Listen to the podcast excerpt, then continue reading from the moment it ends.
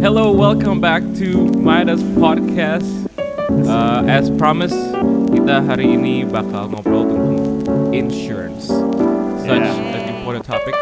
Uh, we are back with the crew, Kevin, Darian, and Nadia. Hello, good morning, good morning. Sebut nama Apa sendiri dong, Kel. Morning. Sebut nama sendiri dan Kelly. and yours gitu. truly, Kelly. Ya gitu. The one and only. And we have brought a guest, uh, no one but the best in the business. Kita punya Asik. our friend Adrian Irwandika, aka Mantap. Randy. Apa kabar Randy? Halo, Kel. How are you? Kevin, Darian, Nadia. Luar biasa. Makasih ya udah uh, nyempetin waktu buat podcastan sama kita.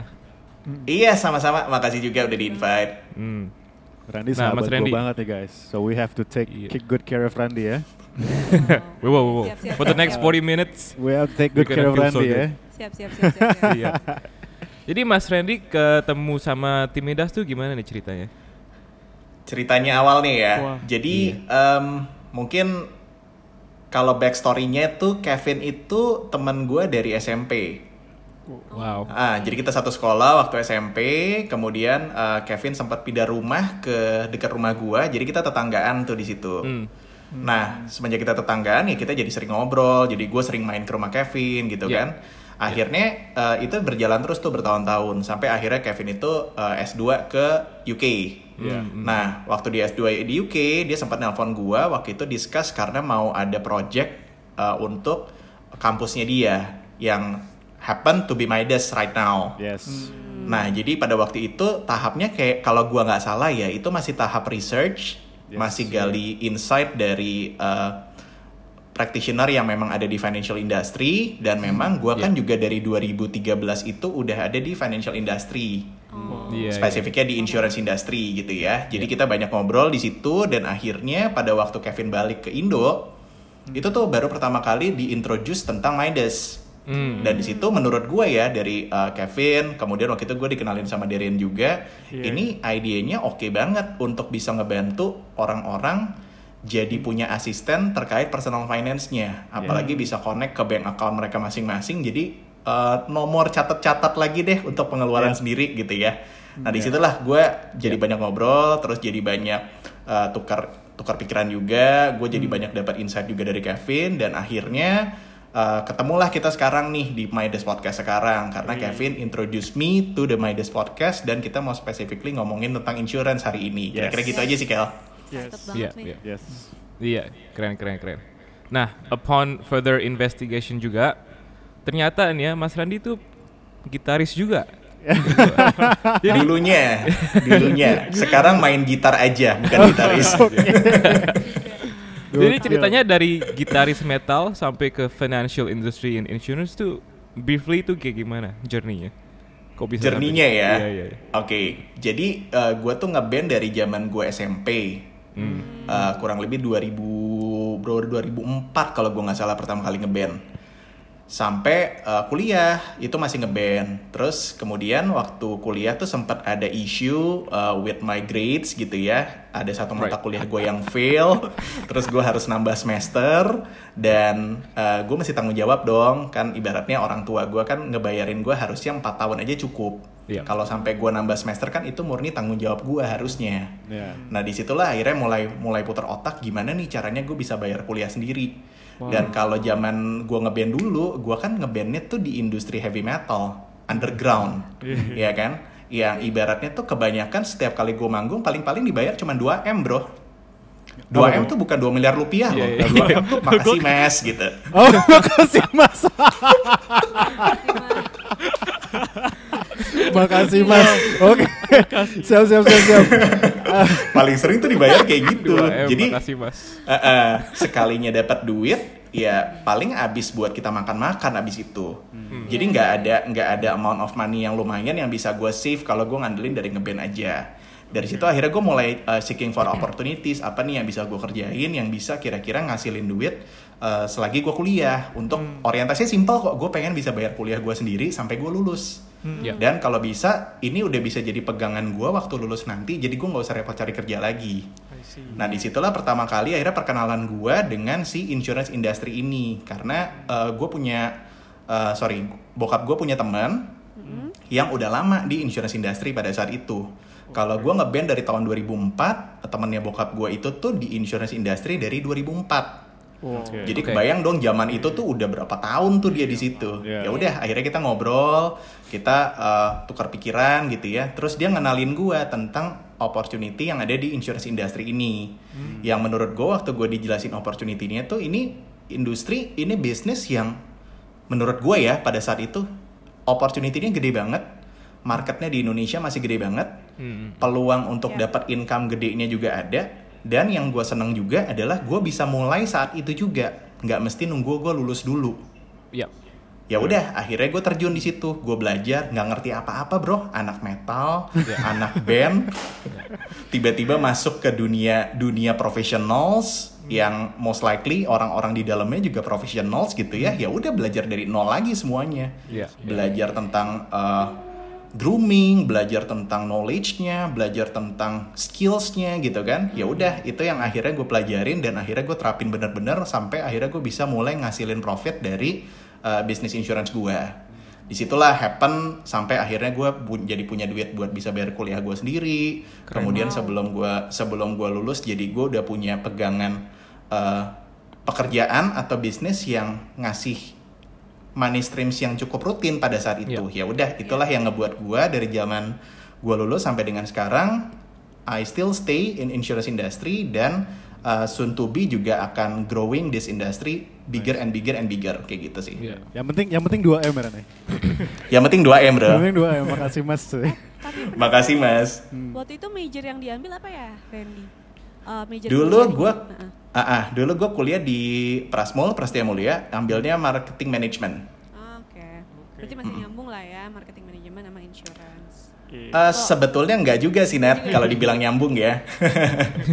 Karena kalau kalau marketing management di di kampus gua, gua nggak tahu kampus lain ya. Itu kita belajarnya kan marketing yang di balik layar. Hmm. Oh, Sedangkan kalau di kalau di industri ini, gua tuh justru di depan jadi frontliner. Iya, iya. Yap. sales lah ya jatuhnya. Keren. keren. Mm-mm, betul. Respect, Jadi nggak terlalu nggak terlalu relate juga sebetulnya. Banyak lebih banyak belajar dari nolnya lagi. Iya, iya, iya. iya. Growth Nah, mindset sama. ya. Growth Hmm. mindset. sama Eh, sorry, sorry, kayak gua motong, nggak podcast ini sorry sorry sorry sama kayak podcast ini gue juga mau belajar dari nol nih jujur gue nggak tahu apa apa gue nggak punya asuransi eh, dan gue ngebayangin juga eh, bakalan banyak pendengar-pendengar midas podcast di luar sana yang kayak gue jadi kita langsung mulai aja ya. Siap, siap, siap. Siap, jadi kita langsung dive in aja ya. Nah, pertanyaan pertama gua adalah em, kayak menurut gua banyak banget tipe-tipe asuransi di sana di Indonesia ya. Eh, ya. Dan gue bingung ada apa aja sih eh, asuransi tipe-tipe asuransi di Indonesia. Eh, Ya. Gua tahu ada jiwa, em, ada eh, asuransi pendapatan, eh, tapi em, spesialisasinya Randy itu di mana? Oke, jadi kalau insurance industry sendiri memang benar yang tadi Kelly bilang tuh ada terbagi ke beberapa jenis. Ada yang general insurance, ada yang life insurance, Oke. ada yang corporate insurance gitu ya. Nah, gua kebetulan adanya di life insurance. Jadi yang gue handle clients-clients itu kebanyakan individuals and families. Nah, secara spesifiknya kalau kita ngomongin insurance-nya sendiri, gue coba make it simple ya, khususnya buat uh, buat Kelly yang tadi bilang belum punya insurance, Nadia juga yang bilang masih newbie juga. Gue coba make it simple, sebetulnya tuh kalau kita ngomongin insurance, kalau misalnya nih gue bayangin gue orang yang masih newbie banget soal insurance, gue akan bilang sebetulnya kita tuh hanya butuh tiga jenis asuransi aja sepanjang hidup kita sampai kita tua nanti. Oh, Oke. Dengan kita nguasain tiga jenis asuransi ini aja, ini udah akan make it simple untuk kita ambil keputusan kita perlu insurance apa at this point dan ke depannya.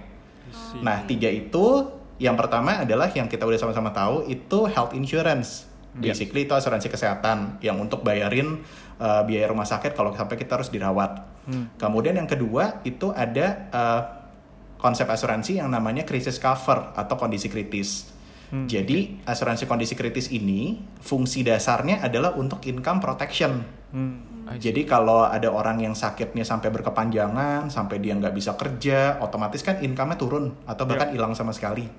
Nah, dari insurance company itu akan ngasih sejumlah benefits untuk orang ini supaya dia bisa survive I see. selama periode yang memang dia tentuin. Let's say misalnya dia bisa hidup dengan 10 juta per bulan, gimana caranya nih 10 juta bu- per bulannya tetap ada buat keluarga sampai dengan periode yang dia tentuin. Mau tiga tahun, mau lima tahun, mau 10 tahun ya terserah itu kesepakatan di awal. Kemudian yang ketiga itu adalah life insurance. Oke. Yang uh, kita mungkin kalau sering dengar life insurance kan baru keluar nanti begitu orangnya mati, Iya. yang ngerasain bukan dia. Iya. Yes, basically memang life insurance ini di- dibuat bukan untuk orang yang bikin, tapi untuk orang yang nantinya akan dia tinggalin. Yes. I see. Nah, tiga jenis itu aja sebetulnya yang perlu kita tahu, yang perlu kita pelajarin. Baru dari situ kita lihat kebutuhan kita sekarang secara fungsi kita butuh yang mana. Karena baik yang health insurance, yang crisis cover maupun yang life insurance itu punya fungsi dasarnya masing-masing. Yang tinggal kita sesuaikan aja kebutuhan kita itu match sama fungsi yang mana. Kayak gitu. I see. Wow. Jadi eh, tiga yang paling penting adalah eh, asuransi crisis crisis cover, Ya. eh, health insurance, and life insurance ya. Yes. Ya. Oke, keren keren. Nah, gue mau langsung ad- address the elephant in the room, I guess. Uh, Oke.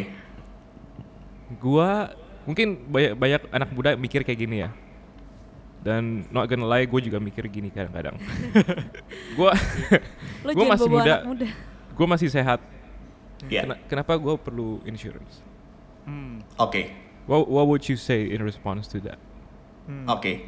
Waktu gua di posisi lo, Kel, gua pun juga nganggep kayak gitu sih, to be honest. Sebelum gua akhirnya benar-benar ada di industri ini dan gue belajar gitu ya. Gue masih muda, gue masih sehat. eh, buat apa gue punya insurance sekarang? Sampai akhirnya gue pelajarin bahwa ternyata kenapa orang yang masih muda dan masih sehat justru paling butuh insurance? Karena insurance sendiri ini tuh bisa dibeli dengan dua hal aja. Sorry, dia hanya bisa dibeli dengan dua hal. Yang pertama dibeli pakai duit lo, yang kedua dibeli pakai kesehatan lo. Jadi kalau duit, gue nggak ngeraguin lah. Orang makin tua biasanya kan income-nya makin oke. Mungkin dia lebih punya kemampuan untuk bisa bayar insurance. Cuman yang terjadi selama ini, orang makin tua kan justru grafik kesehatannya makin nurun ya. Ya. Hmm. Nah, pada waktu kesehatannya menurun, pada waktu makan, eh, misalnya dia udah punya riwayat penyakit atau udah punya penyakit bawaan gitu ya, itu chances untuk bisa diterima sama insurance company itu relatif lebih kecil. Hmm, hmm. Jadi kalau ada udah punya riwayat, pada waktu ngajuin nih, oke nih gue mau apply, let's say asuransi kesehatan, sama si insurance company pasti akan direview dulu. Pada waktu di review yang udah-udah pengalaman klien gue, itu kemungkinannya ada tiga. Yang pertama, mereka itu bisa diterima dengan exclusion, artinya riwayat penyakitnya nggak akan bisa di cover sampai kapan pun. Oke. Yang kedua, bisa juga diterima tanpa exclusion, tapi preminya jauh lebih tinggi. Yang tadinya misalnya preminya sekian, ternyata meningkat 50% kayak gitu. Ya. Nah, yang ketiga, kalau riwayatnya dirasa udah terlalu uh, risky buat si insurance company, itu kemungkinan besar malah bisa di decline, bisa ditolak. Nah, itulah hal-hal yang sebetulnya kita bisa anticipate pada waktu kita masih muda, pada waktu kita masih sehat. Dan gue lebih setuju konsepnya, lo yang penting punya dulu deh insurance-nya. Start small aja nggak apa-apa. Nanti ke depannya begitu income-nya udah lebih oke, lo mau upgrade itu silahkan aja. Karena asuransi pertama gue, yang pertama kali gue bikin sendiri di luar dari yang orang tua udah kasih ya, itu cuman asuransi kesehatan premi 350 ribu bro.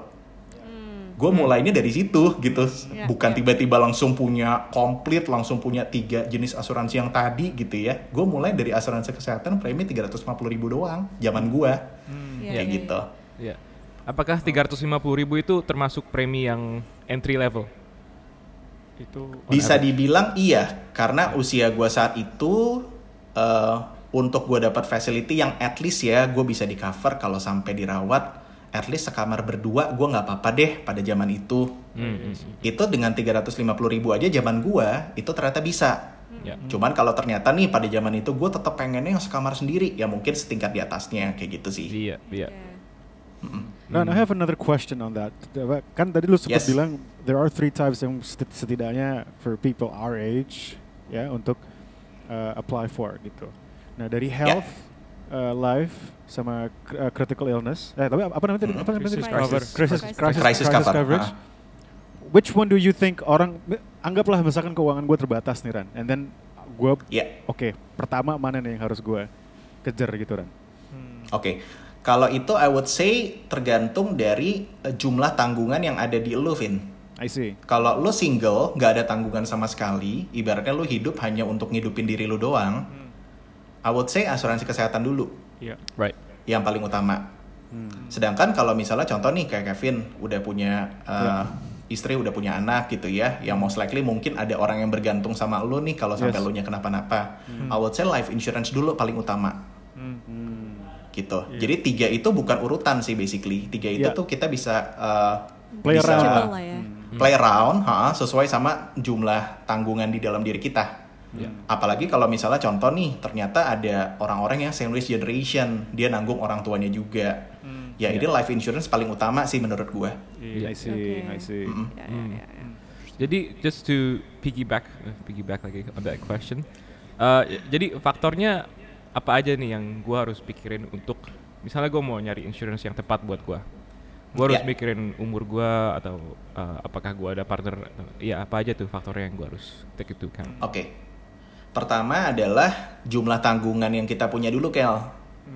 Kita nanggung diri sendiri aja atau ada orang lain yang yang kita tanggung nih secara secara ekonomik. Ya. Kalau kita nggak ada tanggungan sama sekali, single bener-bener uh, free like a bird gitu ya, ya udah kita bisa starting dari si health insurance aja dulu. I see Sedangkan kalau yang udah ada tanggungan, udah ada orang yang bergantung secara ekonomik, gue akan bilang life insurance dulu aja yang paling uh, pertama. Kalau kayak umur gitu-gitu sebetulnya itu bukan menentukan insurance apa yang mesti lo punya. Itu menentukan nantinya jumlah premi yang Iya. perlu lo bayar untuk insurance-nya kalau umur. Kayak gitu. Hmm. And and if if I, if I get this right, the older you get, the expensive the premium it is, kan? Yes, karena kan of course. apa namanya? Karena yang lebih tua seperti yang lu bilang tadi, karena dalam konteks apa namanya asuransi kesehatan, if the health Mm. graph-nya degenerate gitu over time, artinya kan risikonya semakin besar sebenarnya. Exposure Mm-mm, orang benar. itu terhadap terhadap resikonya. That's why premiumnya akan lebih mahal ya. Mm-mm. Which goes back to Of yang gue bilang tadi dari awal. Jadi Iya, kalau iya. misalkan kita emang lagi lebih sehat, justru it's the prime time untuk lo bisa apply for an insurance gitu. Jadi sebelum ketahuan na- sebelum ketahuan apa-apa ya bisa di cover dari awal gitu loh. Mm-mm, bener. Toh lagi Benar. pula misalkan preminya itu nanti pada akhirnya misalkan kita nggak sakit itu jadi kayak nabung kan ya? Kita bisa iya, Tergantung. Tergantung. Tergantung. Ah, ah. Jadi ada konsepnya yang benar-benar kita beli insurance untuk full protection aja, Nat. Ha-ha. Artinya kalau memang kita nggak kenapa-napa ya udah itu jadi uang hilang aja. Oke. Itu kayak kita nge kayak kita nge-hire security untuk jagain rumah kita. Iya benar. Hmm. Jadi kita bayar dia kan untuk kita dapetin peace of mind-nya supaya kita bisa tidur nyenyak, nggak Iya, perlu pusing kalau nanti ada yang ngebel gitu ya. Iya, jadi Iya, ya, oke, oke, siap, siap, siap. That's a Kayak good- gitu itu perumpamaan yang sangat ada bagus sih, gampang Iya, banget gue iya, anggapnya. Kena kena kena. Ya itu Ah, perumpamaan yang kayak sangat kita bagus. bayar security aja buat buat jagain rumah kita. Ya udah kita bayar gaji dia selama kita pengen dia kerja sama kita aja. Artinya kita bayar insurance-nya selama kita mau di cover aja.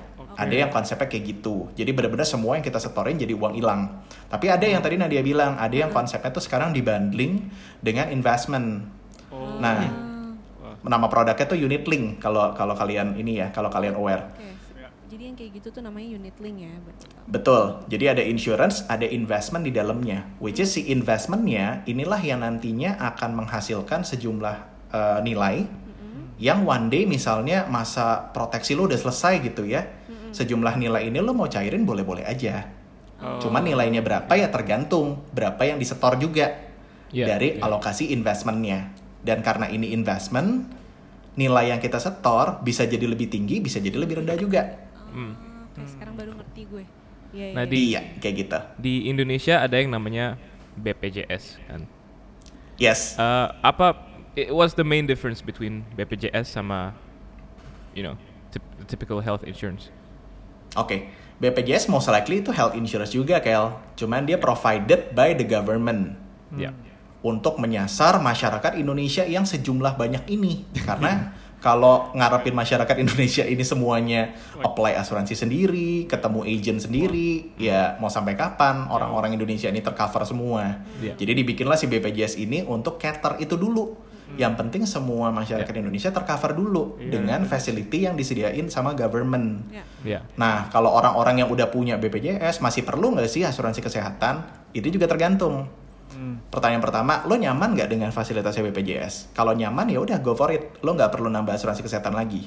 Tapi kalau lo merasa nggak nyaman, lo males ngantri-ngantri, lo pengen fasilitas yang lebih tinggi, Oke, yang lebih oke kamarnya, better lo equip juga dengan si health insurance yang lo beli secara pribadi. Jadi komplement di sini BPJS ada Iya. eh, sebagai warga negara yang baik, asuransi kesehatan ada sebagai proteksi untuk ngasih kenyamanan buat lo. Iya. Oke, Hmm. oke. Hmm. Oke. Yeah, and it's it's super cheap juga kan, Ran? It's 35,000 starting from 35,000, 35.000 perak Iya, kelas iya, 1. bener. Iya, kelas Gue pun juga kelas- punya BPJS, gue pun juga punya Iya. BPJS gitu ya. Itu Iya. gue ambil kelas 3 cuma 35.000 ribu per bulan. Wow. Jadi Wah, lu ya ada BPJS, sebagai- ada insurance, health Iya, insurance sendiri juga ada ya? Dua-duanya ada. Ada, Iya. tapi BPJS-nya nggak gue pakai kayak. Oh, Oke, iya. oke. itu buat Iya, kan- contribute ke negara aja deh. I see, I Oke. see. But would Iya, would you say it's a good first step buat orang yang starting from zero? Kalau starting from zero mau mulai dari BPJS ya silahkan. Anyway itu udah jadi wajib juga kan sekarang mau ngurus surat tanah, mau ngurus SIM, mau ngurus apa gitu Yeah. ya. Sekarang baru baru aja jadi wajib kan? Yes, that's that's weird. tapi let's let's apa kita obrolin dulu lain waktu aja deh aneh-aneh itu. Iya iya iya. Iya. Nah, mungkin di uh, era-era pandemi gitu ya, uh, banyak yang income-nya naik turun. um, Ya. Terus uh, maybe they lost their jobs uh, atau bahkan untuk orang yang emang by nature jobnya income-nya naik turun kayak freelance or small businesses. Um, wh- what would you recommend for people like that in, te- in terms of picking their premium, in terms of picking their Oke. policy? Oke, kalau dari area personal finance ya kali ya, mungkin gue I would say dari area personal finance, insurance itu tuh justru tingkatan yang perlu disiapin setelah income lo aman, cash flow lo aman. Jadi kalau ada orang yang lagi jobless nggak ada income sama sekali, ya mendingin pikirin gimana cara dapat income dulu. Hmm. Yep. Terus kalau misalnya ada orang yang income-nya udah ada nih, cuman dia masih besar pasak daripada tiang, cash flow-nya belum aman. Ya udah lo benerin cash flow-nya dulu aja. Nanti kalau udah ada surplus, barulah kita talk about insurance. Hmm. Kayak gitu sih. Cuman kalau tadi pertanyaannya Kelly kan ada juga nih orang yang mungkin dia income-nya naik turun, tapi relatively secara income aman, cash flow juga aman. Nah kalau kayak gitu kita bisa pakai pendekatannya expense Ya. justru. Hmm. Mm-mm, instead of income karena income kita nggak Oke. tahu nih bulan ini berapa bulan depan berapa ya udah patokannya expense aja berapa sih expense wajib per bulan yang udah pasti keluar nih ada atau nggak ada income jadi pendekatannya dari situ I see. Oke. Hmm. Interesting, Ah. interesting. Iya, yeah, benar-benar. Interesting. Jadi uh, instead of uh, pendekatan dari income, pendekatannya dari expenses ya. Dari expense benar Berarti maksud bo- boleh coba gue mencoba mengerti dulu ya. Berarti maksudnya kenapa lu bisa bilang pendekatan dari expense dulu? So you know that's how much I should make gitu every month. Eh, Is is that is that one of the approach? Apa apa gimana maksudnya? Iya, jadi kalau kalau health insurance eh, perhitungannya tuh biasanya based on facility yang kita mau. Orang yang Aha. mau sekamar berdua sama sekamar sendiri pasti lebih tinggi yang sekamar sendiri dong bayarnya. Orang yang pengen di cover di Indonesia aja sama yang bisa di cover di luar negeri pasti lebih mahal yang bisa di cover di luar negeri dong. Sedangkan kalau kayak crisis cover, kalau kayak life insurance pendekatannya tuh bisa eh, income base, bisa expense base. Karena yang mau di cover itu adalah berapa sih biaya hidup lo atau income bulanan lo untuk make sure semua yang ada di dalam family lo tuh bisa tercover I just in case lo kenapa-napa. Makanya kita bisa pakai pendekatan income, bisa pakai pendekatan expense. Kalau kayak tadi nih contoh orang biasa punya expense 10 juta per bulan. Hmm. Yang ada nggak atau nggak ada income udah pasti ini nih keluar setiap bulan buat dia dan keluarga. Nah, kalau sampai dia Iya. tiba-tiba uh, income-nya kenapa-napa karena dia sakit, dia nggak bisa kerja, gimana nih 10 juta per bulannya tetap aman buat keluarga. Nah, inilah yang jadi dasar perhitungan kita. Tinggal nantinya dia set 10 juta per bulan ini, lo pengen amanin untuk berapa lama? Hmm. Untuk berapa tahun? Iya, iya. Jadi itu jadi faktor pengali. Orang yang pengen di cover let's say 10 juta per bulan untuk lima tahun, ya udah tinggal 10 juta kali 12 kali 5. Hmm. Rumusnya kayak gitu. Itulah nilai yang nantinya akan dibeli lewat crisis cover, lewat life insurance-nya dia. Oke. Ngerti. Preminya menyesuaikan sama usia masuknya dia. Kira-kira kayak gitu. Ngerti, ngerti, ngerti, ngerti, ngerti. I see, Penting I juga see, tuh. I see. Wow, wow. Kevin, Mm-mm. Yes. Kevin, sorry Yes. ngelempar nih, tapi uh, gue mau make sure everybody's represented. So, do you have any questions about family insurance? Oh yes, sure. Uh, Ran. Uh, Yes. kemarin gue di- dikasih pertanyaan yang cukup unik. You know, um, dengan segala keterbatasan yang gue miliki sekarang, gue, istri gue dan anak gue, ini kalau kalau ngelihat apa namanya kalau ngelihat dari obrolan kita tadi, you would sug- suggest gue untuk punya life insurance dulu, Iya, right? Nah sekarang gue bertiga nih, gue, Karina dan anak gue. iya. Tapi pemahaman gue adalah lebih baik gue health dulu. Oke. Karena buat gue itu yang paling ya gue nggak gua nggak bisa mendahului Tuhan tapi maksud gue tapi itu yang paling dekat mungkin terjadi gitu loh if anak gue sakit Yeah. atau if so what, Yeah. what, what do you think on that karena I- I- di- lu bisa nggak bang, bang apa namanya uh, tell me why should I go to life insurance first gitu gue pengen tahu Oke. considerationsnya aja sih Oke, oke. I would say buat lo, Vin, Hmm. itu life insurance, tapi buat anak lo, buat istri lo, itu health insurance. ah I see Karena kan masing-masing individual ini punya kebutuhan beda-beda. ya Ha-ha. Kalau anak lo kan most likely dia nggak nanggung siapa-siapa, justru dia ditanggung gitu kan. Ya. Nah, cuman mungkin yang jadi kekhawatiran kita sebagai orang tua ya, kalau tiba-tiba ntar dia sakit gimana, Ya. tiba-tiba dia harus dirawat gimana, ya Ya. itu better di cover health insurance-nya dulu. Kayak gue pun juga bikinin anak gue pertama kali health insurance dulu, Hmm. kayak gitu. Nah, buat buat uh, Karina, buat your wife gitu ya, itu juga bisa dilihat kalau dia juga lebih concern soal kesehatannya dia. Ya. Kalau tiba-tiba dia sakit, ya udah health insurance dulu juga nggak apa-apa Hmm, I see. kayak gitu. Cuman kalau Karina statusnya juga uh, sumber income nih dalam keluarga, kalian dua-duanya ngasilin income, nanti dia di backup sama life insurance juga juga nggak apa-apa, I see. Hmm, Oke. kayak gitu. I see. Jadi masing-masing individual in families itu punya kebutuhan insurance yang beda-beda. Ya. Kayak gua, sekarang istri gua, terus anak gua, kemudian Ya. ada orang tua gua, ada mertua gua, ya kita punya kebutuhan insurance beda-beda. Ya. Oke. Kayak gitu. I see. Ngerti. I also have another question, Ran. Kenapa health Mhm. insurance buat perempuan lebih mahal daripada buat laki-laki? Oke, Iya. kalau itu secara statistik ya, ini gua gua kan juga uh, ngomong based on sama data ininya ya, data aktuarinya Yes, ya. yes, yes. Secara statistik, perempuan itu lebih rentan untuk dirawat di rumah sakit dibanding laki-laki. Oke. Dan ini pun itu kan data ya. Ya. Cuman gue ngobrol sama klien-klien gue yang family. Let's say nih, dua-duanya suami istri punya health insurance. Yang lebih sering ke rumah sakit itu istrinya. Hmm. Kalau suaminya misalnya cuma demam dikit, pusing dikit, ya udahlah gue tahan aja di rumah juga sembuh gitu. I see, I see, I iya, see. iya, Oke, oke. Kayak gitu. Jadi reasonnya kayak gitu. Basically kan kita risk management ya kalau Ya. kalau insurance itu ya. Jadi uh, semakin tinggi risk yang akan ditanggung sama si insurance company, biasanya Ya. itu menentukan semakin tinggi juga preminya. I see, I see, I see. I want. I also want to ask another question, Iran. Gue melihat lu sebagai role model gue kan, in terms of, you know, how I manage my personal money and then how I should apa Hmm. namanya incur for an- apa namanya apply for an insurance gitu. Now, would you Hmm. mind spilling us ke gue especially dan you know I, I represent I guess all small families, family yang baru mulai gitu. What sorts of insurance do you have? Mungkin mungkin lo nggak nggak nggak usah spill lah preminya berapa so on and so forth. Tapi Oke, what types of oke. insurance do you have in your context sekarang Oke. dan kenapa lo memilih itu gitu? Hmm. Berarti me and my families ya. Yes, kan kita Oke. very very similar ya in that in that department Iya, gitu iya, kan iya. ya. Hmm. Oke, jadi balik lagi ya tadi kan gue sempat explain juga kalau tergantung uh, kita punya jumlah tanggungannya tuh uh, berapa banyak. Yes. Apakah kita nanggung diri kita doang atau ada orang lain nih yang kita tanggung? Kalau gue personally, gue tadi starting mulai dari asuransi kesehatan dulu buat diri gue. Ya. Itu dari premi yang masih 350 ribu zaman itu. Sekarang udah gue upgrade karena udah lebih udah lebih inilah udah lebih mampu Ya. untuk bisa bayar lebih tinggi gitu ya. Nah, kalau sekarang gue starting dari situ, cuman kalau sekarang itu gue punya personally buat gue itu health insurance satu, terus yang crisis cover insurance satu, life insurance gue ada tiga, jadi total buat gue sendiri ada lima polis Hmm. asuransi. Kemudian buat uh, my wife itu ada health insurance sama ada life insurance uh, dua buat my wife, anak gue uh, health insurance doang satu. Kemudian gue bikinin juga buat orang tua gue uh, dua-duanya health insurance.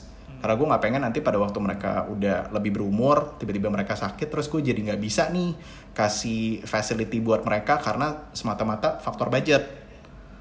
Jadi mendingan gue profit mereka dari awal sekarang health insurance yang proper. Jadi let's say misalnya nanti mereka berumur, mereka harus dirawat, itu udah udah tenang dari sisi itunya. Kemudian mertua gue pun uh, orang tuanya istri gue juga gue bikinin. Ya. Nah kalau orang tuanya istri gue kan dia PNS ya dari dulu, jadi askesnya tuh masih zaman dulu tuh yang ditanggung sampai setelah pensiun gitu ya.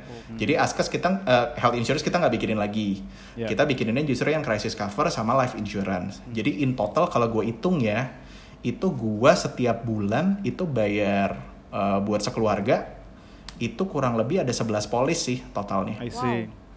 I Ah. see. Tapi now that I now makes sense kan buat gua kenapa kenapa Ha-ha. satu health insurance aja itu kadang-kadang nggak cukup gitu. Jadi pada saat ng- ng- ngajarin orang atau orang nanya ke kita, we can reply with with feedback and contextual gitu. I guess this is one of Yeah. the reasons why we we Hmm. talk with you Ran.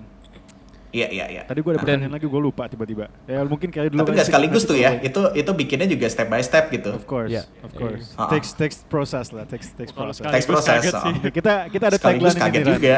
Kita ada tagline ini progress, Progress over perfection. You know, kita Yes. kita tahu perfectnya di mana tapi kita progress lah pelan-pelan. Yes. Oh, oke, gue baru ingat sekarang. Ran, I guess one of the most pain point yang gue dapatkan ya, when when I apply for insurance adalah mempelajari polis itu sendiri. Now, Ya. polis for for for apa namanya orang-orang yang malas baca itu kan isinya dokumen panjang banget dan it's very legalistic, right? Iya, iya. Bahasanya juga sangat-sangat legal and I don't think um, ya gue aja kadang-kadang suka ke, ke- ke- kecoh gitu. gue sarjana hukum, I used to work as a lawyer. Kadang-kadang gue bacanya suka aduh di mana sih Hmm. maksudnya. Iya, So, iya, iya. Ran, boleh nggak Ran lo spill a bit to us? What are the key things yang harusnya kita lihat gitu dalam dalam polis? Oke. Kalau yang dalam polis yang mesti peli, mas paling pertama mesti diperhatiin adalah benefitsnya dulu. Ya, Make sure kita beli benefits yang memang sesuai kita butuhin. Jangan sampai uh, kita merasa kita belinya apa, eh ternyata yang kita punya apa. Itu yang misleading tuh. Nantinya pada waktu kenapa-napa malah repot. Jadi make sure kita punya benefit yang sesuai sama yang kita mau dulu. Kemudian yang mesti diperhatiin dalam polis itu sesimpel biasanya tuh kalau di asuransi kesehatan adalah tanggal tanggal terbit polis kita tuh kapan. Karena di asuransi kesehatan itu ada case-case tertentu yang ada masa tunggunya dulu. Contoh iya. kalau di, di di di tempat gue ya, untuk semua penyakit kayak DBD, tipes yang ringan-ringan gitu ya, termasuk COVID gitu ya, itu baru akan bisa di cover setelah 30 hari polis. Hmm. Jadi kalau ada orang nih yang yang polisnya jadi hari ini, di hari ke-31 dia kena COVID misalnya, dia udah bisa di cover karena udah lewat Iya. masa tunggu 30 hari. Kemudian masa tunggu yang kedua tuh masa tunggu 90 hari untuk perawatan cancer. Hmm. Jadi kalau ada orang yang polisnya jadi hari ini, hari ke-91 dia terdiagnosis terdiagnosis cancer, dia udah bisa di cover juga karena udah lewat masa tunggu 90 hari. Ya. Nah, yang ketiga ini yang yang juga mesti diperhatiin nih, ada penyakit-penyakit tertentu. Kalau di gue tuh ada 18 penyakit yang belum bisa di cover dalam 12 bulan pertama. Artinya kalau let's say ya, misalnya nih, polisnya belum 12 bulan. Terus kita ke dokter, eh terdiagnosis sama dokter salah satu nih dari kondisi ini. Karena kita udah tahu itu belum di cover, kita jadi punya option. Menurut gue ya, kalau ternyata kondisinya nggak urgent-urgent amat, ya udah minta ditunda aja sama dokternya. Dok, lewatin 12 bulan dulu ya, baru nanti dirawat atau ditindak. Sedangkan kalau urgent Iya, iya, harus iya. ditindak saat itu juga, ya udah kita request ke dokternya untuk dapat facility yang lebih sesuai budget kita. Hmm. Itu jadi options yang kita punya karena kita tahu ini belum bisa di cover. Nah, kalau udah lewat 12 bulan udah aman semuanya. So dalam polis tuh kita pasti perhatiin itu. Selebihnya sih minor ya kayak nomor polis, terus kayak eh, tanggal pendebetan kayak gitu-gitu itu minor lah. Cuman menurut gue benefit sama eh, tanggal terbit polis itulah yang krusial. I see. Oke, mau nanya dong. Kira-kira Randy Boleh, tahu boleh. nggak eh, kenapa ada kenapa harus ada polis untuk nunggu sampai sekian waktu misalkan untuk penyakit itu tuh kenapa gitu? Soalnya ini sih kadang-kadang tuh gue sebagai orang yang belum punya insurance itu tuh mikirnya kak untuk punya insurance tuh aduh insurance tuh tricky banget deh kayak polisnya banyak Hmm. ada gini-gini itu tuh yang bikin aku kayak nggak pengen gitu belum pengen Iya. gitu maksudnya Oh. nah itu kenapa Mm-mm. tuh eh, bi- tahu nggak kira-kira alasannya kenapa Oke. Sebetulnya reason kenapa dibikin ketentuan masa tunggu itu karena most likely penyakit-penyakit yang ada masa tunggunya itu itu kan bukan penyakit yang tiba-tiba muncul Nat. Heeh. Hmm. Hmm. Benar sih. Kayak contoh, kalau misalnya nih orang polisnya baru jadi hari ini, besoknya kena DBD. Heeh. Biasanya kan udah ada gejala dulu. Hmm. Hmm. Nggak mungkin tiba-tiba orang langsung dirawat karena DBD di hari pertama. Itu jarang banget kejadian. Nah, karena itulah makanya sebetulnya perlu ada masa tunggu untuk ngelihat bahwa memang benar nih orang ini pertama kali kenanya di eh, setelah masa tunggu. Karena penyakit-penyakit yang masih dikecualikan ini kan bukan penyakit yang tiba-tiba muncul. Most likely udah ada gejalanya dulu. Dan ini juga menghindari fraud. Ya. Jangan sampai orang yang udah sakit, dia nutupin nih penyakitnya, tiba-tiba dia sak- tiba-tiba dia apply dan dia uh, claim karena Iya. penyakitnya ini. Iya. Nah, dari sisi insurance company itu kan jadi Iya. nambah cost di depan. Iya. Padahal mungkin orang ini baru bayar sebulan, baru Hmm. bayar dua bulan gitu loh. Iya benar. Oke. Itu yang mereka jaga sih jadinya kenapa Iya. dibuat ketentuan-ketentuan itu. Dan kalau gue ya, selama kita udah dijelasin di awal, and we agreed with that, Hmm. itu sih no problem ya untuk kita punya insurance yang bisa cover uh, buat kita Yes. juga. Hmm. Iya iya iya. Oke, oke. Ya berarti in in other terms itu manajemen risikonya si perusahaan asuransi ya. terkait ya. Iya. Betul. Atau mungkin betul. dulu pernah ada yang kejadian kayak gitu. Definitely. Nah, kalau uh, dulu bisa jadi kayak gitu. Cuman kalau sekarang ya, tadi Kelly sempat mention BPJS. BPJS Ya. Kesehatan tuh kan sekarang defisitnya triliunan karena kejadian-kejadian kayak gitu. Hmm, iya. BPJS Jadi nggak mereka ada yang udah sakit, nggak ada proteksi untuk fraud buat BPJS ya. Mungkin setahu gue belum ya. iya. Wow. Karena Setahu gue mereka belum secanggih itu ya. Iya. Jadi uh, banyak banget orang yang udah sakit Ya. baru apply dan di cover. Nah Hmm. itulah yang ngebuat anggarannya jadi defisit. Jadi Nah, BPJS kalau mm, pakai contohnya Randi tadi eh Mm-mm. eh, DBD hari ini gua apply BPJS, besok gua DBD tetap ke cover itu. Selama kartu lo udah jadi, lo itu lo ke Oh. cover Kel. iya iya. Hmm. Yang penting kartunya udah jadi. Iya. Defisitnya triliunan. iya. Triliunan loh defisitnya dan ngeri banget. Iya. Untungnya kan itu duit negara. Uh-uh, Iya. Sedangkan kalau Iya. insurance company kan ini duit uh, private nih swasta. Hmm, betul. Iya. Iya. Apa-apa Iya. Kalau duit negara mah. Ci. ya tapi emang tanggung jawab negara juga sih menurut gua Ren. I mean if kalau Iya. kayaknya kalau buat apalagi ini kan buat bantuin rakyat yang tidak mampu. Targeted Betul. mainly Iya. to that kan. I don't think mereka Betul. bisa they can afford to wait a, couple of Hmm. Waktu gitu untuk Yes. bisa mencapai sana. Mm-mm. Ya. Hmm. Mm-mm. Oke. By by at this point, I hope uh, pendengar-pendengar Midas terconvince nih yang belum punya insurance untuk punya insurance. Nah, salah satunya gua gua udah terconvince untuk mau punya insurance. Putus-putus ya? Uh, Enggak di situ. step di situ, by di situ, step guide-nya apa aja Karen? Step by stepnya. Hmm, hmm. Oke, oke. Uh, if you want to have insurance for yourself, Ya. paling penting adalah lo lihat dulu nih jumlah tanggungan yang ada di lo tuh berapa banyak. Apakah lo nanggung diri lo doang, apa ada orang lain? Ya. Itu pertama. Karena ini menentukan nantinya insurance mana di antara tiga tadi yang perlu lo punya paling pertama. Oke. Nah, kemudian dari situ barulah cari benefit yang sesuai. Contoh, kalau dari asuransi kesehatan paling simpel gue selalu tanya dua pertanyaan.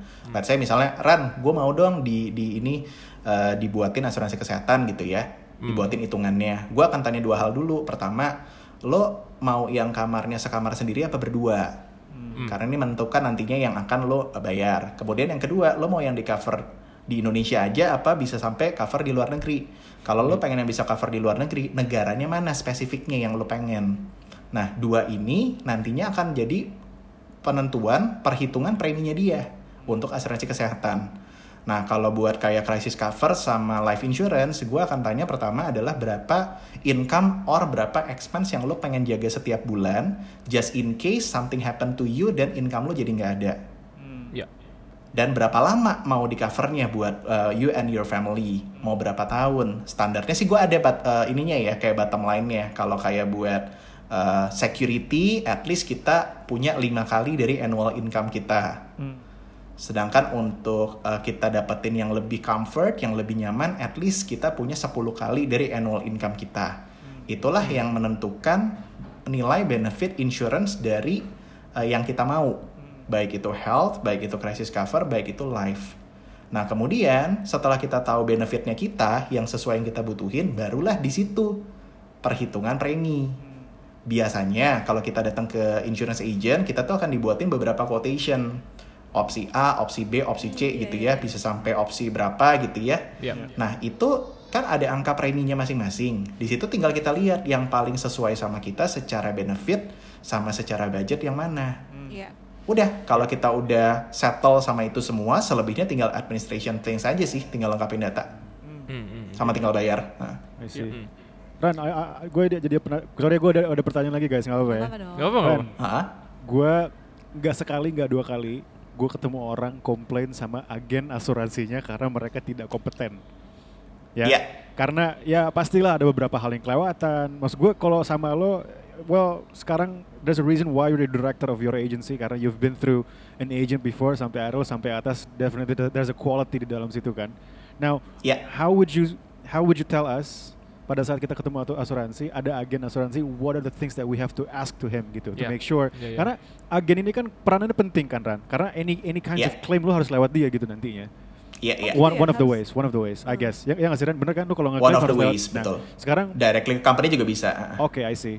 Cuman karena kita ketemunya sama dia, kita kan taunya sama dia gitu. So, Mm-mm, what are benar. the things yang perlu sih? Ya, maybe due diligence checklist lah. Untuk gue ketemu asuransi orang agen nih, gue tanyain apa aja yang gue tanyain. To make sure ini orang emang punya capacity-nya untuk bantuin gue gitu.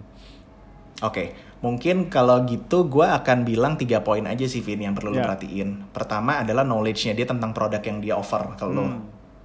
Karena kalau misalnya orang yang uh, punya knowledge cukup baik ya terhadap produk yang dia offer, Hmm. pasti dia akan bisa jelasin ke lo tuh bener-bener sesuai yang lo mau. Ya, Nah, dari situlah lo dapat gambaran benefitnya ini, budgetnya sekian. Ya. Nanti kalau klaim gimana, itu bicara knowledge semua. Ya. Kemudian yang kedua adalah hubungan lo sama dia tuh seberapa ini, seberapa kenal, Ya. seberapa dekat. Hmm. Karena gue akan selalu saranin kalau lo mau beli insurance, better sama orang yang lo gampang reach. ya, Ha-ha. Karena benar yang tadi lo bilang, kalau sewaktu-waktu nanti mau klaim, lo pasti akan kontak dia dulu instead of lo directly langsung ke Ya. company. Make sure orang ini adalah orang yang bisa lo reach. Ya. Sesimpel kayak kalau dia uh, lo WhatsApp, dia balesnya tuh dalam hitungan yang masih reasonable lah. ya, Jangan sampai lo WhatsApp sekarang baru dibalas tiga hari lagi kayak gitu. ya, kayak gitu. Kita nggak kita nggak minta Ah, ah, kita nggak minta agent itu untuk standby 24/7 juga, cuman at least pada waktu kita butuh ada reasonable Yeah. time yang kita masih bisa tolerir lah untuk kita bisa dapat info dari dia. Yeah. Jadi yang kedua itu eh, apakah orang ini reachable atau enggak. Kemudian yang ketiga barulah di situ kalau lo mau sekalian ngecek list track record boleh juga, cuman ini nggak major sih menurut gua. ya, Ya. Karena ada orang yang mungkin masih baru kayak gua dulu, kan orang-orang baru ini tuh ibaratnya startup ya, Ya. Startup yang baru mulai, baru mau bikin track record. Kalau dari awal dia langsung Ya. ditanyain track recordnya, gimana caranya dia punya kesempatan untuk ngebangun track Ya, record. of course. Ini jadi boleh-boleh aja kalau memang mau ditambahin kriteria tambahan. of course. Cuman bukan yang major menurut gua. Menurut gua sih yang dua Ya. yang tadi ya, knowledge-nya dia sama orang ini apakah reachable atau enggak. Sama trust sih. Ya karena reachable itu jadi ngebangun trust ya. Hmm. Yes. Jadi Kadang-kadang kita percaya sama orang sebagai teman tapi kalau kerjaan kayaknya enggak gitu. I see. Oke. Jadi like, Kan uh, ya kayak gitu follow ya. up follow up question ke itu juga. Uh, I guess Hmm? our first step is to pick an agency kan. Pick an agent Yeah, pick, specifically. pick an agent. Ah, ah. Uh, Ya. So, well, uh, rekomendasi Kak Randy uh, untuk kita strategi-strategi apa yang yang bagus untuk kita bisa memilih agent yang tepat. Itu Mm-mm. strateginya apa? Kalau sekarang sih simple banget Kel. Hmm. Sekarang tuh eh, agent itu tuh udah banyak banget Mhm. yang bisa kita lihat, kita bisa expose di Instagram contohnya ya. Ya. Jadi waktu kita even nggak kita nggak ada nih, gue ada satu klien yang dia di circle-nya nggak ada kenalan agent sama sekali. Ya. Kemudian dia lihat postingan gue tentang insurance, akhirnya dia nge-DM gue di Instagram. Akhirnya kita connect, kita connect di situ terus ngobrol dan gue baru tahu ternyata dia nggak ada circle-nya uh, yang insurance agent. Jadi Hmm. I'm the only insurance agent yang connect ke dia, yang sharing ke dia, yang offering ke dia. Ya Right. akhirnya uh, of course dia dia beli sama gue lah kayak gitu. Ya. Cuman kalau sekarang sebetulnya tuh udah bertebaran banyak banget di Instagram. Tinggal kita lihat aja yang Instagram mana ya? yang profilnya cocok Iya, sama kita. I see. Oke oke. Lo cari keyword insurance, asuransi, dan something like that gitu ya, itu tuh banyak banget. Tinggal kita cari aja yang profilnya sesuai sama kita. Jadi Instagram itu Gua- udah kayak yellow pages buat insurance ya istilahnya ya. Kalau to nggak ada kenalan sama sekali, Iya, iya. Oke. kalau lo ada kenalan agent dan menurut lo orang ini bisa lo percaya, ya silakan lo langsung ke dia aja, nggak usah lewat Instagram. Hmm. Cuman kalau nggak ada kenalan sama sekali kayak klien gue tadi, Ya. ya udah Instagram tuh sekarang jadi platform yang banyak banget. Iya, Contoh sih. sekarang aja tuh kayak orang-orang tuh bisa nentuin mereka nyamannya sama uh, agent yang kayak gimana. Karena kan gua sama istri gua kan dua-duanya ada di insurance industry. Yap. Kita sama-sama punya clients yang kita handles gitu kan. Nah, ada orang yang dapat edukasinya dari gua, dari postingan gua, kemudian dia come up ke my wife profile di Instagram dan dia kontaknya ke istri gua. Sesimpel karena dia cewek, dia pengennya ngobrol sama agent cewek. Sesimpel itu. Iya. Hmm. Iya iya iya. iya. Oke. Kayak gitu. Jadi jadi memang baik em, kita milih asuransi itu dari agentnya daripada kayak company-nya gitu. Sebaiknya iya, karena company basically mereka hanya bikin produk, mereka hanya ngiklanin produk, tapi mereka bukan yang akan jelasin one by one ke customernya tentang benefit yang customer itu punya. Hmm. Yang jelasin dari awal itu agent, yang nantinya akan tektokan pada waktu mau klaim juga agent. Jadi sebaiknya kita buy the agent first, Oh, then right. uh, we buy the products. Gitu. And to my understanding di Indonesia emang nggak bisa kan klien langsung ke insurance company, harus through an agent kan? Sejauh yang gue tahu iya, karena bisnis model kebanyakan insurance company di Indonesia tuh mereka punya uh, distribution channel, which is itu si uh, agensinya, agency yang uh, di dalamnya tuh ada banyak agent. Hmm. Oke, cool, cool, cool. Mm. Cool. Well, uh, before we close, uh, gue ada pertanyaan terakhir. Uh, tapi sebelum itu, apakah uh, Kevin, Darian, or Nadia, do you guys any Good. have I'm last good. questions? Belum belum ada. Belum. Belum kepikiran. Darian? Belum. Hmm, enggak sih, gue bukan mau nanya tapi maybe lebih ke apa ya? Gak tau nih gue gara-gara tadi ngomong tentang life insurance juga otak gue tuh kayak ngitung-ngitung gitu. Ngitung-ngitung sendiri. Jadi Iya, Darian as always. enggak enggak. Jadi kalau menurut gue, mungkin buat nyamannya gue ya, gue cuma pengen sharing aja sih. Mungkin buat nyamannya gue tuh when I have my life insurance itu gue pengen itu bisa nge-cover sampai biaya education uh, anak gue gitu. Hmm. Nah, anak Yes. gue sampai lulus lah kasarnya sampai lulus S1, S2 Yes. gitu kalau bisa S3 gitu kalau dia mau kan. Iya, Nah, biar tenang Iya, gitu. biar tenang gitu kayak gue Iya. kenapa kenapa dia masih sekolah gitu kan Ah. seenggaknya kan. iya. Nah, em, jadi mungkin kayak dari situ ya build up-nya pelan-pelan juga nih kayak Randy Iya. gitu dari dari satu life insurance, dua life insurance, tiga life insurance mungkin em, tapi buat gue end goal-nya ya at least itu bisa nge-cover my next generation lah gitu. Mungkin satu ah, kalau satu anak ya berapa, kalau dua anak berapa, mungkin kalau tiga anak ya jadi makin banyak lagi gitu loh. Cuman itu dari tadi gue kayak ngitung-ngitung, oh ya ini sebenarnya goalnya apa sih? Berapa banyak life insurance sih yang harus kita punya gitu kan? Iya. kayak ya that's that's just kayak gue pengen add on aja sih ke situ Iya. Itu menarik tuh, Kel. Gue jadi pengen nambahin nih soal soal Iya, itu soal ahead, life go ahead. insurance. Karena life insurance sendiri sebetulnya tuh itu uh, sekarang tuh ada ada singkatannya gitu. Uh, Oke. Adalah beberapa orang yang yang yang nemuin singkatannya dan ini jadi under, under- understandable gitu ya. Jadi life-nya sendiri L-nya itu tuh stands for loan protection. hmm, Oke. Jadi kalau contoh uh, kita, kita punya utang, iya utang sama third party gitu sama bank, entah utang uh, KPR lah, utang bisnis dan lain-lain, itu kan wajib dilunasin sekalipun kita ini udah nggak ada. Oke. Nah kalau kitanya keburu mati sebelum sebelum itu lunas kan itu akan ditagih ke keluarga. betul That's why ada orang bikin life insurance untuk protect their loan. Jadi Ya. konsepnya loan protection. Ya. Itu si L-nya. Kemudian I, I itu adalah income protection. Hmm. Ya. Income protection itu basically berapa uh, banyak income atau expenses yang lo pengen jaga buat keluarga lo just in case lo udah uh, something happen to you. Hmm. Iya. Dan berapa lama itu mau diprotek gitu ya. Hmm. Itu yang tadi sempat gue jelasin. Kemudian yang ketiga F itu tuh final expenses. Oke. Final expenses tuh biar biaya akhir Hmm. yang dibutuhin pada waktu dari pertama kali meninggal sampai dengan dimakamin. I see Karena di masing-masing uh, suku, masing-masing kebudayaan kan kita punya tradisi beda-beda. Iya. Betul. Iya. Ada orang yang begitu meninggal tiga hari tiga malam pengajian aja cukup. Ada yang butuh ada Betul. upacara. Hmm. Ada yang bahkan mungkin pengen dimakaminnya request di San Diego Hills gitu ya. Itu kan beda kebutuhannya. Iya. Eh sorry gue Jadi gak boleh final expense itu- sorry sorry sorry. Yoi. aduh Ada final expense yang juga kita mesti hitung tuh karena nantinya itu akan dikeluarin sama keluarga dan itu bisa di cover sama life insurance. Kemudian yang ketiga yang tadi si uh, Darian ngomong, Hmm. E E-nya itu tuh bisa stands for education protection. Jadi kalau kita punya rencana nih mau sekolahin anak sampai kuliah, sampai S1 sampai S2, Ya. mungkin kita bisa predik total biayanya kira-kira sekian nih yang mesti Ya. gue siapin. Di situlah kita kerja, kita cari duit, kita nabung, Yes. kita invest. Yang penting sampai itu kekumpul. Ya. Permasalahannya kan duitnya belum kekumpul nih, makanya kita Betul. masih kerja, Yes, masih betul. nabung, masih invest. Nah, angka ujungnya yang kita butuhin kita protect dulu pakai life insurance. Ya. Iya. So, just in case belum kekumpul pun, uang ini udah akan Yes. fulfill pada waktu orang tuanya kenapa-napa. Ya. Gitu. Dan eh, itu kan life ya. Kemudian ada E yang kedua di, di luar si education protection, yaitu namanya estate planning. Hmm. Estate planning ini basically ya dari sejumlah aset yang kita punya, contoh properti gitu ya. Sekarang semuanya atas nama kita nih.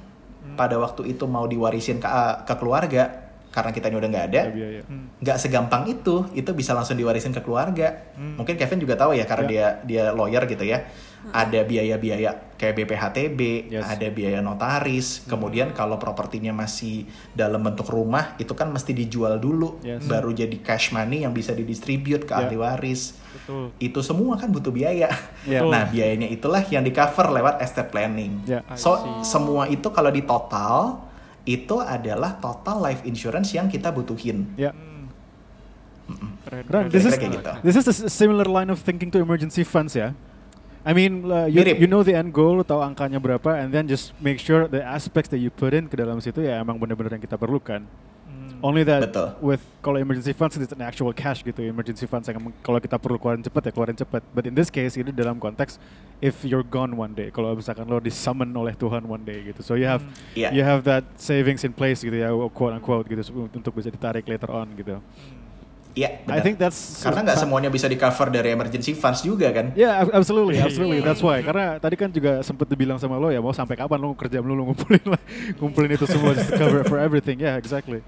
That's a very punchy, apa namanya, very Yeah, punchy, yeah. apa, apa namanya, insights ya, Iya, yeah, iya, Randy ya. Keren sih. Very eh tunggu punchy. tunggu, tapi gue ya. masih bingung satu nih. Jadi kalau life insurance itu eh, duitnya cair kalau misalkan orangnya udah nggak ada gitu, bener nggak? Orang udah meninggal, Iya. ya. Tanggungnya udah meninggal. Iya. Betul, betul. Nah Iya. sama satu lagi yang soal, pengen satu pertanyaan lagi boleh? nggak?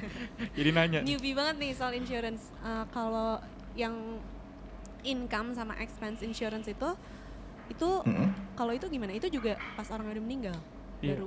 Oh, bukan berarti Oke. kalau kalau misalkan kalau misalkan kayak eh, expense-nya tiba-tiba kayak pandemik tuh, terus kayak jadinya jobless gitu, itu nggak bisa ya? It- Itu belum, itu are- areanya emergency funds. Ah, oke, oke, oke. Ah, Dan tadi maksudnya Randy yang income sama expenses itu sebenarnya uh, tolak ukur perhitungan kan Ran, berapa? Ah, tolak Berapa? ukur perhitungan, Yes. betul. Iya. Sip sip, oke. Betul, Iya. betul. Sebenarnya tadi udah nge-cover question gue sih. Soalnya tadi gue mau tanya, tadi gue mau tanya gini. uh, my biggest enemy I guess uh, when it comes to insurance itu nggak ada the lack of sense of urgency. Gue nggak ada Hmm. sense of urgency gitu.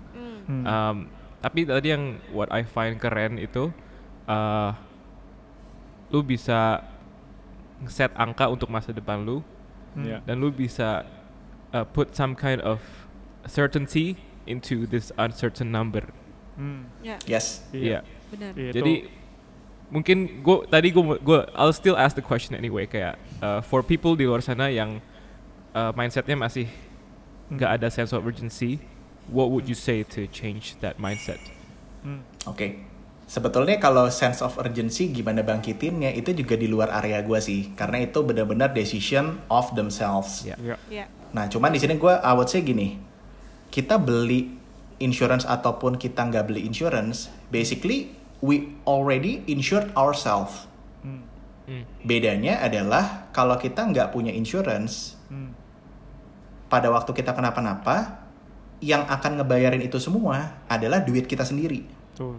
Jadi kita jadi insurance company for ourselves. Oh, Sedangkan pada waktu kita beli insurance, Hmm. nice. if something happen to you, if something happen to us, semua biaya yang kita butuhin itu di covernya dari insurance benefits yang kita punya. Hmm. Ya. Jadi tinggal pilihan kita. Beli insurance itu nggak wajib sih menurut gue, karena urgency tiap orang juga beda-beda. Ya. Cuman basically, without or with insurance, we already have insurance for ourselves. Hmm. Tinggal pilihannya kita mau jadi insurance company buat diri kita sendiri, atau kita mau insure ourselves to insurance company. I see, I see. Mendingan Gitu bayar sih. sendiri apa ditraktir gitu ya Ran ya? Iya. kayaknya kayaknya cocok gitu, sih. heeh. Kalau analogi analogi satpam tadi kalau ada maling lu mau gebukin sendiri atau suruh satpam Lo mau gebukin sendiri atau satpam lo yang gebukin gitu ya? Ah, kalau iya gak sih yeah, that's true. Dan mungkin lebih enaknya kalau sama insurance company kita udah dihitungin nih kalau kita kan pasti abstrak gitu mikirnya. iya kita nggak Kita kayak Iya. apa yang bakal harus kita cover ya. Kalau insurance company kan mereka udah expert jadi mereka tahu apa yang kira-kira bakal terjadi nih di Hmm. kehidupan orang-orang nih. Mm-mm. Yes, Betul, betul. true. Alright, alright. That that is Wow. compelling. I'm convinced now. Emang iya, berarti lo besok beli insurance nih Kal? Uh, next Well- question. okay. well, thank you so much for your time, Randy. Uh, sorry overtime dikit Yes. ya, but I learned a lot. Thank you so much Yeah. for Yes. We learned a lot. I think I think Yeah, we, learned a lot. Yeah. yeah keren keren super valuable episode. But thank you guys for listening. Thank and you. See you guys Bye. Bye. Bye.